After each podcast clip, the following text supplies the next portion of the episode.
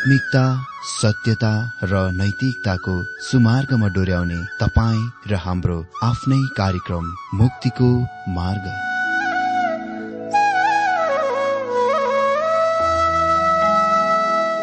आदरणीय श्रोता यस मुक्तिको मार्ग कार्यक्रममा हार्दिक स्वागत छ। आशा छ यस आत्मिक कार्यक्रमद्वारा जीवनमा आत्मिक आशिष अलौकिक शान्ति र आनन्द प्राप्त गर्नुहुनेछ। र जीवनमा धन्य अनुभव गर्नुहुनेछ। आउनुहोस् श्रोता मन र आत्माको तयारीको लागि यो मिठो अनि मधुर भजन गीत सुनौ।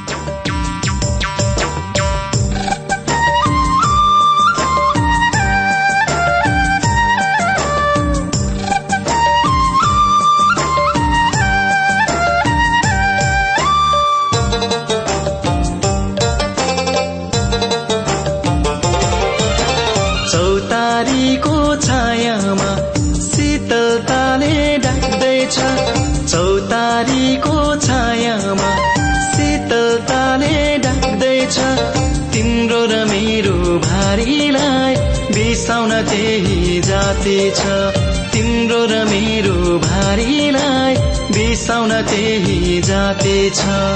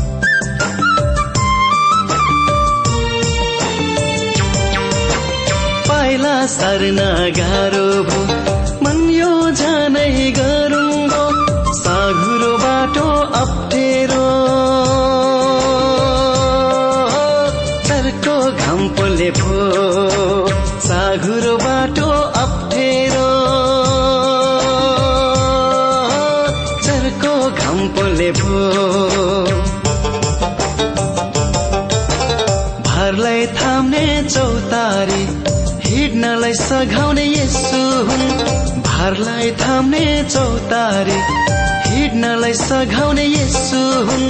मनको ज्वाला हटाए शीतलता दिने उनै हुन्। मनको ज्वाला हटाए शीतलता दिने उनै हुन्। चौतारीको छायामा शीतलताले ढाक्दैछ चौतारीको छायामा शीतलताले ढाक्दैछ तिम्रो र मेरो भारीलाई बिसाउन त्यही जाति छ। तिम्रो र मेरो भारीलाई बिसाउन त्यही जाति छ।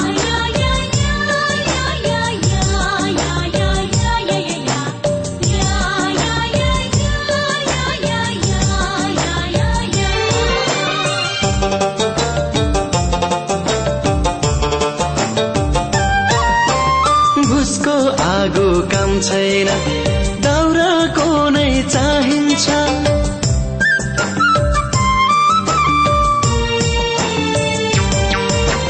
घुसको आगो काम छैन। दाउराको नै चाहिन्छ। पापट हामी सबैलाई। यसुमा मुक्ति छ। पापट हामी सबैलाई।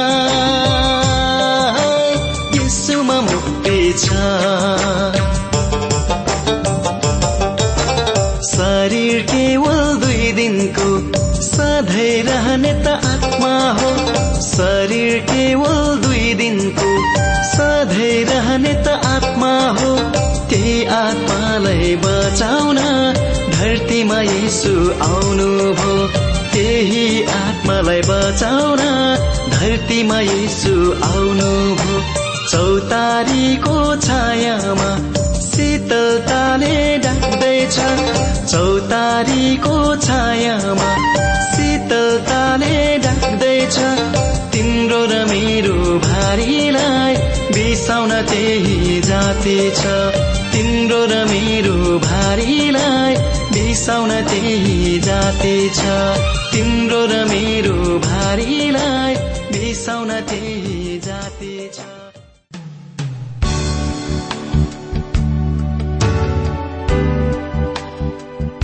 प्रिय श्रोता यो प्रसारण मार्फत यो अवगत गराउन चाहन्छौ कि प्रभुको सेवाको लागि यहाँहरूको साझेदारी नित्यन्त आवश्यकता छ। यहाँहरूले प्रार्थनाको साथसाथै आर्थिक सहायता गर्न अनुरोध गर्दछौ।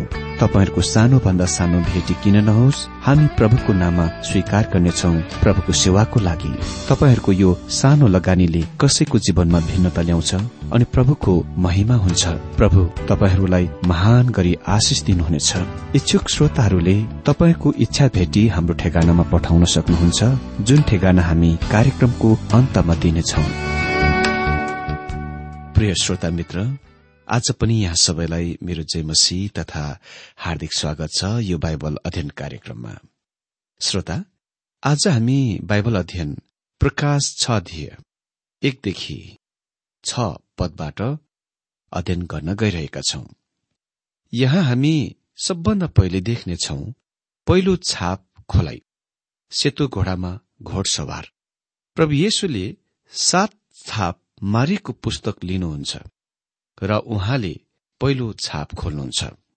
प्रकाश छ अध्यय एक र दुई पदमा लेखिएको छ जब थुमाले ती सात मध्ये एउटा मोहर तोड्नु भएको मैले देखे तब चार जीवित प्राणीहरूमध्ये एकजनाले मेघगर्जन जस्तो आवाजले यसो भनेको मैले सुने। आओ अनि मैले एउटा सेतो घोडा देखे। त्यसमाथि सवार हुनेसित एउटा धनु थियो र त्यसलाई एउटा मुकुट दिइयो अनि त्यो विजयी भएर विजय गर्न निस्कियो। मित्र ख्रिस्टले सबै छापहरूको खोल्न गइरहनु भएको छ। क्रमबद्ध रूपले क्रमिक रूपले। उहाँ पूर्ण अभिभारामा हुनुहुन्छ र उहाँको आज्ञामा स्वर्गीयका सम्पूर्ण प्रत्येक सृष्टिहरू प्राणीहरू बढ़िरहेका छन् चाल चलिरहेका छन्। त्यसकारण अहिले चार घोडचडीहरू अगाडि बढ्न गइरहेका छन्। उहाँले छापहरू खोलिदिनुहुन्छ र भन्नुहुन्छ जाओ। यो युहन्नाद्वारा पुनः कहिएको छ वा पुनः बताइएको छ कि उसले देखे र उसले सुने? यो टीभी कार्यक्रम जस्तै हो जुन हामी देखिरहेका हुन्छौं र उही समयमा सुनिरहेका हुन्छौं। सेतो घोडामा सवार गर्ने घोड चढीको प्रतीकको तय गर्न प्रयासहरूमा धेरै विभिन्न विचारधाराहरू विचार रायहरू खड़ा भएका छन्। टिप्पणीकारहरूको बीच प्रबल व्याख्या वा अलिकति सबैले मान्ने वा त्यसमा दम भएको व्याख्या वा अर्थ खुलाइ चाहिँ यो हो कि उसले ख्रिस्टको प्रतिनिधित्व गर्दछ। तिनीहरूले भजन संग्रह पैंतालिस अध्यय र प्रकाश उन्नाइस अध्यय आफ्ना विचार रायको आठ दिन प्रयोग गर्छन्। तर समकालीन बाइबल टिप्पणीकारहरू भन्छन् कि सेतो घोडा र त्यसमा सवार गर्ने चाहिँ ख्रिस्ट विरोधी हो। अनि यो नै म पनि विश्वास गर्छु। यो प्रभु येशु ख्रिस्टको लागि जो नै एक हुनुहुन्छ छापहरू खोलिरहनु भएको छ र अहिले हतपत छिट्टै परिवर्तन बनाउनु घोडामा चढ्न र सवार गरेर बाहिर निस्कन मुस्किल हुने थियो। मेरो निम्ति यो एक किसिमले असंगत बेमेल र अविश्वसनीय विचार दृष्टिकोण लाग्दछ। म व्यक्तिगत रूपमा यो विचार मान्दछु कि यो ख्रिस्ट विरोधी हो यो ख्रिस्टको नक्कल हो यो ख्रिस्ट विरोधी नै ख्रिस्ट हुने बहाना बनाउँदैछ अनि बाहिर निस्कि आउँछ आज हामी विश्व तानाशाह शासकको दिशामा बढ़िरहेका छौं। यो झन अधिक भन्दा अधिक सत्य छ। विश्वका सम्पूर्ण राष्ट्रहरू तंग भएका छन् डिस्टर्ब भएका छन् व्याकुल भएका छन्। अधार्मिकता दुष्टता झन अधिक धेरै बढ़िरहेको छ र सरकारहरूले त्यसको नियन्त्रण गर्न सकिरहेका छैनन् जस्तो कि तिनीहरूले गर्नुपर्ने। यो सबैले त्यस व्यक्तिको आगमनको बाटो तयार गरिरहेको छ जसले शासन गर्न गइरहेको छ जो चाहिँ ख्रिस्ट विरोधी नै हो। ख्रिस्ट विरोधी डाकुको मुख्य बोझ गरी देखा पर्दैन। त्यसो त शैतानका दूतहरू ज्योतिका दूतहरू हुन्। उससँग टाउकोमा सिंह र डरलाग्दा नङ्ग्रा सहितको खुट्टा हुने छैन। बरु त्यो संसारमा सबभन्दा धेरै आकर्षित व्यक्ति हुन गइरहेका छन् जस्तो कि संसारले अहिलेसम्म कदापि देखेको छैन। त्यस्तो आकर्षक संसारले त्यसलाई चुन्नेछ र संसारले त्यसको तारिफ प्रशंसा गर्नेछ किनभने त्यो आफ्नै नाममा आएको छ। तर जब त्यसले अधिपत्य अधिकार आफ्नो हातमा लिन्छ त्यो संसारको लागि खराब हुन गइरहेको छ। मित्र यो कथन केवल यो फुच्चे प्रचारकले मात्र बनाएको होइन। यस्तो कथन गैर विश्वासी मानिसहरूले पनि बनाएका छन्। प्रोफेसर एजे टोनी बी जो अन्तर्राष्ट्रिय मामलाका संस्थाका डाइरेक्टर निर्देशक हुन् उहाँले भन्नुभएको थियो मानव जातिमा झन अधिक अधिक धेरै धेरै प्राणघातक हतियारहरू होडबाजी र उही समयमा सम्पूर्ण विश्वलाई धेरैभन्दा धेरै आर्थिक रूपमा आत्मनिर्भर बनाउने कुराले तकनिकीले मानव जातिलाई खिन्नताको वा दुःखको त्यस्तो स्तरमा ल्यायो कि हामी ईश्वरतुल्य बनाउने कुनै शासकको लागि तयार भएका छौं जसले विश्व शान्ति र एकता दिने काममा सफल हुन सक्छ। मित्र त्यो चाहिँ एउटा मञ्च हुनेछ स्टेज हुनेछ। प्लेटफर्म हुनेछ कि ख्रिस्ट विरोधी विश्वता र शान्तिमा हुनेछ? म सोच्दछु यदि कोही दृश्यमा प्रकट भई विश्वलाई ती कुराहरूको प्रस्ताव दिए वा त्यसको कुरा दिए विश्वले सोध्ने छैन कि उनी कहाँबाट आएका हुन्? विश्वले सोध्ने छैन कि उनी स्वर्गीयबाट आएका हुन् वा नर्कबाट? अह मलाई लाग्दैन कि तिनीहरूले यी कुराहरूको वास्ता गर्नेछन्। किनभने तिनीहरू कुनै पनि किमतमा शान्ति चाहन्छन् र आज संसारले त्यसको प्राप्त गर्न अरबौं पैसा खर्च गरेका छन्। जीके चेस्टोन्टनले भने यो युद्ध विरोधको युग हो तर निश्चय नै शान्तिको युग चाहिँ होइन। आज विश्वमा शान्तिको बारेमा सबभन्दा धेरै कुरा गरिएको विषय हो। मैले एकजना स्त्रीको बारेमा भ्युज आइटममा पढेको थिएँ जो अमेरिकाको अर्कनाज भन्ने क्षेत्र प्रान्तमा रहन्थिन् र तिनले संयुक्त राष्ट्रसंघलाई सात लाख डलर अनुदान दिए यो आशा गर्दै कि यो सानो अनुदानले पृथ्वीमा विश्वव्यापी शान्ति र मानव जातिमा मंगलमय शान्ति ल्याउनेछ। म भन्न चाहन्छु कि तिनले त्यो पैसा मुसाको पुवालमा वा दुलोमा खनिदिनु जस्तै हो। किनभने तपाईँ सात लाख डलरले वा अरबौं डलरले पनि शान्तिको किन्न गइरहनु भएको छैन। आज पूरा संसारभरि अरबौं डलर खर्च भएको छ र पनि हामीसँग शान्ति छैन। फोर्ड फाउन्डेशन जो विश्वमा एक सबभन्दा धनी संगठन संस्था हो यसले घोषणा गरेको छ कि तिनीहरूका पैसा अन्तिममा विश्व शान्तिको उक्तम संसारको उक्तम शिक्षाको उक्तम स्थितिको उक्तम जीवनको कामको लागि प्रयोग गरिनेछ। तर पनि विश्व झन् धेरै धेरै खराब र दुर्गतितिर बढ्दैछ। जब ख्रिस्ट विरोधी शक्ति र अधिकारमा आउँछ उसले शान्तिको बारेमा कुरा गर्न गइरहेको छ। अनि संसारले सोच्नेछ कि तिनीहरू हजार वर्षीय मसिहाको आदर्शमय शान्तिको राज्यमा प्रवेश गरिरहेका छन्। जब तिनीहरू वास्तवमा महाक्लेशमा प्रवेश गरिरहेका हुन्छन् महाक्लेश थुमा जस्तै भित्र आउँछ। तर सिंह जस्तै बाहिर जान्छ। शान्तिको प्रतिज्ञा अति नै ठूलो झुट हो। जुन संसारले विश्वास गर्न गइरहेको छ त्यो यो घोडसवार ख्रिस्ट हुन सक्दैन। बरु ख्रिस्ट जो यहुदाको कुलको सिंह दाउदको जडको हुनुहुन्छ वा सिंहासनमा विराजमान हुनुहुन्छ। अनि उहाँले नै स्वर्गीयबाट यी कुराहरूको निर्देशन दिइरहनु भएको छ। अनि यी चार घोडचढीहरू सवार गर्न उहाँले निर्देशन दिइरहनु भएको छ।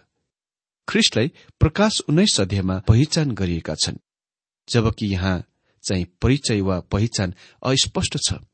जुनले यहाँ यो राय दिन्छ सूचित गर्दछ कि घोडसवार ख्रिस्ट होइन तर उहाँको नक्कल हो जुन ख्रिस्ट विरोधीले गर्दछ। त्यसपछि हामी देख्छौ दोस्रो छापको खोलाइ। रातो घोडामा घोडसवार तीन र चार पदमा लेखिएको छ जब उहाँले दोस्रो मोहर तोड्नुभयो तब दोस्रो जीवित प्राणीले आऊ भनेको मैले सुने। अर्को एउटा उज्जवल रातो घोडा बाहिर निस्किआयो।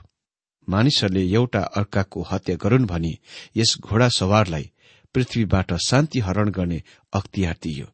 त्यसलाई एउटा ठूलो तरवार दिइयो।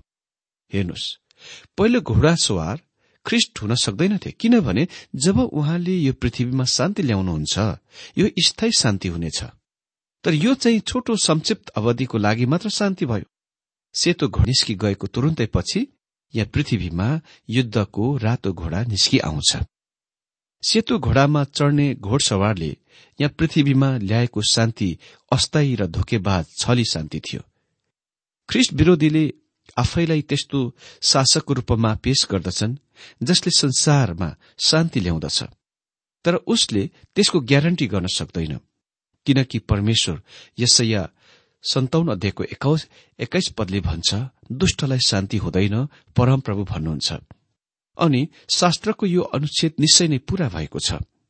के यो शान्तिको बारेमा नै विश्वका प्रत्येक नेताहरूले प्रतिज्ञा गरेका छैनन् र? मित्र म भनौं कि कुनै राष्ट्रले कुनै पनि नेताहरूले कुनै पनि पार्टीले संसारमा स्थायी शान्ति ल्याउन सक्दैन। आज विश्व शान्तिबाट अति नै टाढा दूरीमा छ। पहिले नै बादलहरू तेस्रो विश्वयुद्धको लागि जम्मा भइरहेको अनुभव हुन्छ। ख्रिस्ट विरोधी बोक्री हुनेछ नक्कली हुनेछ। त्यसले शान्ति ल्याउने छैन किनभने यहाँ युद्धको उग्र रातो घोडामा घोडसवार बाहिर पूरा संसारभरि फेरि जान्छ। अनि यो वास्तविक विश्वयुद्ध हुन गइरहेको छ। यो नभन्नुहोस् कि यो पूरा भइसकेको छ। यो अहिलेसम्म पूरा भएको छैन। यो भविष्यमै हो। त्यसपछि हामी निम्न पदहरूमा देख्छौ कि तेस्रो छापको खोलाइ। कालो घोडामा घोडचडी वा घोडसवार पाँच र छ पदमा लेखिएको छ जब उहाँले तेस्रो मोहर तोड्नुभयो तेस्रो जीवित प्राणीले आऊ भनेको मैले सुने। मैले एउटा कालो घोडा देखे। घोडा सवार घोडसवारको हातमा एउटा तराजु थियो। ती चार जीवित प्राणीका बीचमा एउटा आवाजले यसो भने जस्तै मैले सुने एक दिन ज्यालामा एक किलो गहुँ र एक दिनको ज्यालामा तीन किलो जौं तर तेल र दागमध्यलाई हानि नगर्नु। युहानले फेरि भन्छन् मैले सुने र मैले देखे। उनले यो कुराको निश्चय पार्न चाहन्छन् कि हामी यसको जान्दछौ। कालो घोडाको संकेतले वा रंगको संकेतले यर्मिया चार अध्यय अठाइस पद मलाकी तीन अध्यय चौध अनुसार शोक विलापको संकेत गर्दछ। साथै यसले अकाल वा अनिकालको बारेमा पनि बताउँछ। विलाप चार अध्यय आठ र नौ पदमा हामी पढ्छौं अब तिनीहरूका रूप मुसो भन्दा कालो भयो। तिनीहरू गल्लीहरूमा पनि चिनिएनन् तिनीहरूका छाला हड्डीमा टाँसिए। काठ त्यो सुक्खा भयो। भोकले मर्नेहरू भन्दा तरवारले मर्नेहरू सौभाग्यशाली भए। किनभने जमिनको फावले तिनीहरू सुक्दै गए। कालो घोडाले विश्वव्यापी अकालको अनिकालको प्रतिनिधित्व गर्दछ जुन पृथ्वीमा आउँदछ। युद्धपछि सधैँ त्यहाँ राशन पानीको अभाव भएको हामी इतिहासमा विश्वको इतिहासमा देख्छौं। अनि त्यही नै हुनेछ त्यहाँ। ग्रीक इतिहासकार हेरोडोडसले भन्छन् मानव अन्न सिपाहीलाई दैनिक भोजनको आपूर्ति थियो। मती विश अध्यय दुई पद अनुसार एक दिनार चाहिँ एक दिनको ज्याला थियो। त्यसकारण काम गर्ने मानिसले त्यस दिनमा उसको परिवारलाई सहायता गर्न असमर्थ वा अयोग्य हुनेछ। तेल र मध्य चाहिँ विलासिता कुराहरू हुन् जुन धनीद्वारा आनन्द भोग गरिन्दथे। तेल चाहिँ आज मानिसहरूले आफ्नो शरीरहरूमा लगाउने विभिन्न किसिमका तेल र क्रिमहरू जस्तै हो जुन शरीरलाई नरम बनाउन सुन्दर देखिन प्रयोग गरिन्दथे। अनि त्यो जीवनको विलासिताहरू हुन्। दाग मध्य चाहिँ मदिराको अनुरूप हो जुन प्रशस्त मात्रामा हुनेछ। के यो चाखलाग्दो कुरा होइन र त्यहाँ पर्याप्त अन्न सञ्चय हुने छैन? भोजनको लागि पर्याप्त जौं हुने छैन तर त्यहाँ मदिरा बनाउन पर्याप्त जौं वा अन्नहरू हुनेछन्। तिनीहरूले यसको त्यस दिनमा बनाउनेछन् अनि धनीहरू मात्र त्यो गर्न र त्यो पाउन योग्य हुनेछन्। म एकजना अति नै वृद्ध अमेरिकी प्रचारकको कथनको यसै प्रसंगमा उद्धृत गर्न चाहन्छु। विश्वयुद्धको अवधिमा प्रायजसो हरेक जग्गामा धनीहरूले आफ्नो निम्ति भोजन मासु पाउने योग्य भए। तिनीहरू जीवनको विलासिताको पाउने योग्य भए। धनी मानिसहरूले आफूले चाहेका कुनै पनि समयमा जुनसुकै प्रकारका व्यञ्जन भोजन पाउन सक्थे। तर म उही समयमा कति गरीबहरूले भोजन आहार नपाएर आफ्ना जिब्राहरू चबाएका मैले देखे। मित्र धनीहरूले आफूले चाहे जतिसुकै खालको आहार भोजन पाउन सक्नेछन् तर गरीबहरूले त्यस्तो पर्याप्त कुरा कति पनि पाउने छैनन्। यस्तै नै सधैँ इतिहासमा भएको छ र भइरहेको छ। यो आज पनि एकदम प्रासंगिक कुरा हो। म धेरै राजनीतिज्ञहरू र गरीब गरीबी समस्याहरूको उन्मूलन गर्ने सम्बन्धमा कुरा गरेको सुन्छु। अनि तिनीहरू यसको योजना बनाउँछन् र काम पनि थाल्छन्। तर वास्तविकता बताउनु पर्दा तिनीहरूको आफ्नै गोजी भन्ने काम चाहिँ हुन्छ। त गरीबी समस्या उस्तको उस्तै र गरीबी माथि ख्याल वास्ता र कल्याण वास्तवमा कति पनि गरिएको हुँदैन। यो मानिसबाट सम्भव छ जस्तो लाग्दैन मलाई। यो समस्या आज धनी र विकसित देशमा पनि एक समस्या हो। मानिसले तिनीहरूको प्रयासले गरीबहरूलाई माथि उठाउन सकिरहेका छैनन् सक्दैनन् पनि। किन? किनभने गरीब र दिनहरूको वास्ता र ख्याल गर्ने कोही छ भन्ने त्यो केवल प्रभु मात्र हुनुहुन्छ। निश्चय नै यी मेरा कथनहरूको लागि म खेद प्रकट गर्दछु तर कसैले यो निश्चय नै भन्नु आवश्यक छ। मित्र भविष्यमा त्यो भन्दा पनि भयानक हुन गइरहेको छ। यहाँ प्रकाशको पुस्तकमा हामीले बात गरिरहेको कुरा चाहिँ भविष्य हो। अनि मैले यसलाई आजको वर्तमान दिनसँग लागू गर्नको कारण खालि यो देखाउनलाई मात्र हो कि यो कुनै असन्दर्भिक कुरा होइन। यो हुन गइरहेको छ। मतलब यो स्थान लिन गइरहेको छ। धेरै वर्ष पहिले ईस्वी सम्बत उन्नाइस सौ अन्ठानब्बेमा मतलब तीन सय वर्ष पहिले रेप थोमस माल्थसले यसरी आफ्नो कथनको निष्कर्ष निकालेको पुस्तक मैले पढेको थिएँ। जनसंख्याको शक्ति मानिसको लागि जीविकाको उत्पादन गर्ने पृथ्वीको शक्ति वा क्षमता भन्दा असीमित रूपले ठूलो विशाल हुनेछ। उसको भविष्यवाणी उसको दिनमा अति नै कम वजन थियो। उन्नाइस सौ उनासाठीमा संयुक्त राष्ट्र संघको पचहत्तर राष्ट्रहरू रोममा भोका र कुपोषण अपूर्ण भोजनको विरूद्ध युद्ध गर्ने वा निर्मूल गर्ने बारेमा कुरा गर्न रोममा भेटे। तर मिटिङमा टोनबीले घोषणा गरे। त्यहाँ त्यो दिन आइरहेको छ। भोजन उत्पादन त्यसको एक दिन सीमितमा पुग्नेछ। अनि त्यसै यदि जनसंख्या अझै वृद्धि भइरह्यो भने अकाल वा अनिकालले फाँसी दिने काम गर्छ। जुन भूतकालमा अतीतमा अनिकालद्वारा महामारीद्वारा या युद्धद्वारा गरिएका थिए सर जोन बोर्डले जुन एक समयमा संयुक्त राष्ट्र संघका आहार र कृषि संगठनका महानिर्देशक थिए उनले चेतावनी दिए मेरो अफिसको वा कार्यालयको कार्यकालको यो अन्तिम चेतावनी संसारलाई दिँदै अन्त गर्नेछु। यदि यसको समाधान गरिएन भने अर्को पचास वर्षमा विश्व विप्लव अस्तव्यस्ततामा हुनेछ। विश्वका राष्ट्रहरू विक्षिप्त हुनेछन्। कसैले प्रतिवेदन दिएका छन् लाखौं करोड़ौं भोकली र कुपोषणले मरिरहेका छन्। अनि यो कुरा वृद्धि भइरहेको छ। अनिकाल वा भरीले सधैँ युद्धलाई पछ्याउँछ। मतलब युद्धपछि सधैँ अनिकाल वा भुकमरी आउँछ। त्यसलाई प्रभाव पार्छ। अनि यो कालो घोडाले विश्वव्यापी भुकमरी अनिकालको प्रतिनिधित्व गर्छ जो युद्धको रातो घोडा पछि तुरुन्तै पूरा विश्वभरि बाहिर निस्किजान्छ। हामी निरन्तर आउने दिनमा अरू छाप खोलाइको बारेमा अध्ययन गर्नेछौ। परमेश्वरले तपाईँ सबैलाई धेरै धेरै आशिष दिनुभएको होस्।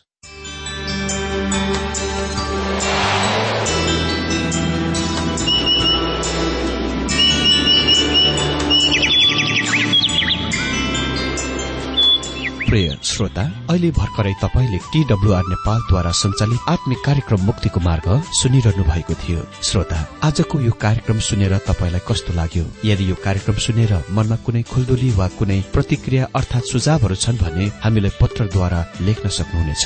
हामी हृदयदेखि नै स्वागत गर्नेछौ स्वीकार गर्नेछौ साथै बाइबल सम्बन्धित प्रचारहरू कार्यक्रम सारणीहरू हामी अनुरोधमा पठाउन सक्छौ। अनि तपाईँसँग कुनै प्रार्थनाको विषय छन् भने हामीले तपाईँको लागि प्रार्थना गरेको चाहनुहुन्छ भने प्रभुमा आफ्नै परिवार सम्झेर हामीलाई पत्रमा लेख्न सक्नुहुनेछ। तपाईँको लागि हामी प्रभु येशुसँग प्रार्थना गर्नेछौ। अधिक जानकारी र पत्रचारको लागि हाम्रो ठेगाना यस प्रकार छ। कार्यक्रम मुक्तिको मार्ग जीपीओ नम्बर उनानब्बे पचहत्तर इपिसी पच्चिस एकसठी काठमाडौँ। ठेगाना एकपल्ट सुन्नुहोला। कार्यक्रम मुक्तिको मार्ग जीपीओ नम्बर उनानब्बे पचहत्तर इपिसी पच्चिस एकसठी काठमाडौँ। हाम्रो इमेल एड्रेस हो TWR Nepal at Yahoo dot com. साथै यस नम्बरमा एसएमएस गर्न सक्नु सक्नुहुनेछ अन्ठानब्बे चार सत्तरी पैतिस छ सय उनासी नौ आठ चार सात जिरो तीन पाँच छ सात नौ। हुन्छ श्रोता आजलाई हामी विदा चाहन्छौ। अर्को कार्यक्रममा हामी पुनः भेट्नेछौ। तबसम्मलाई नमस्कार।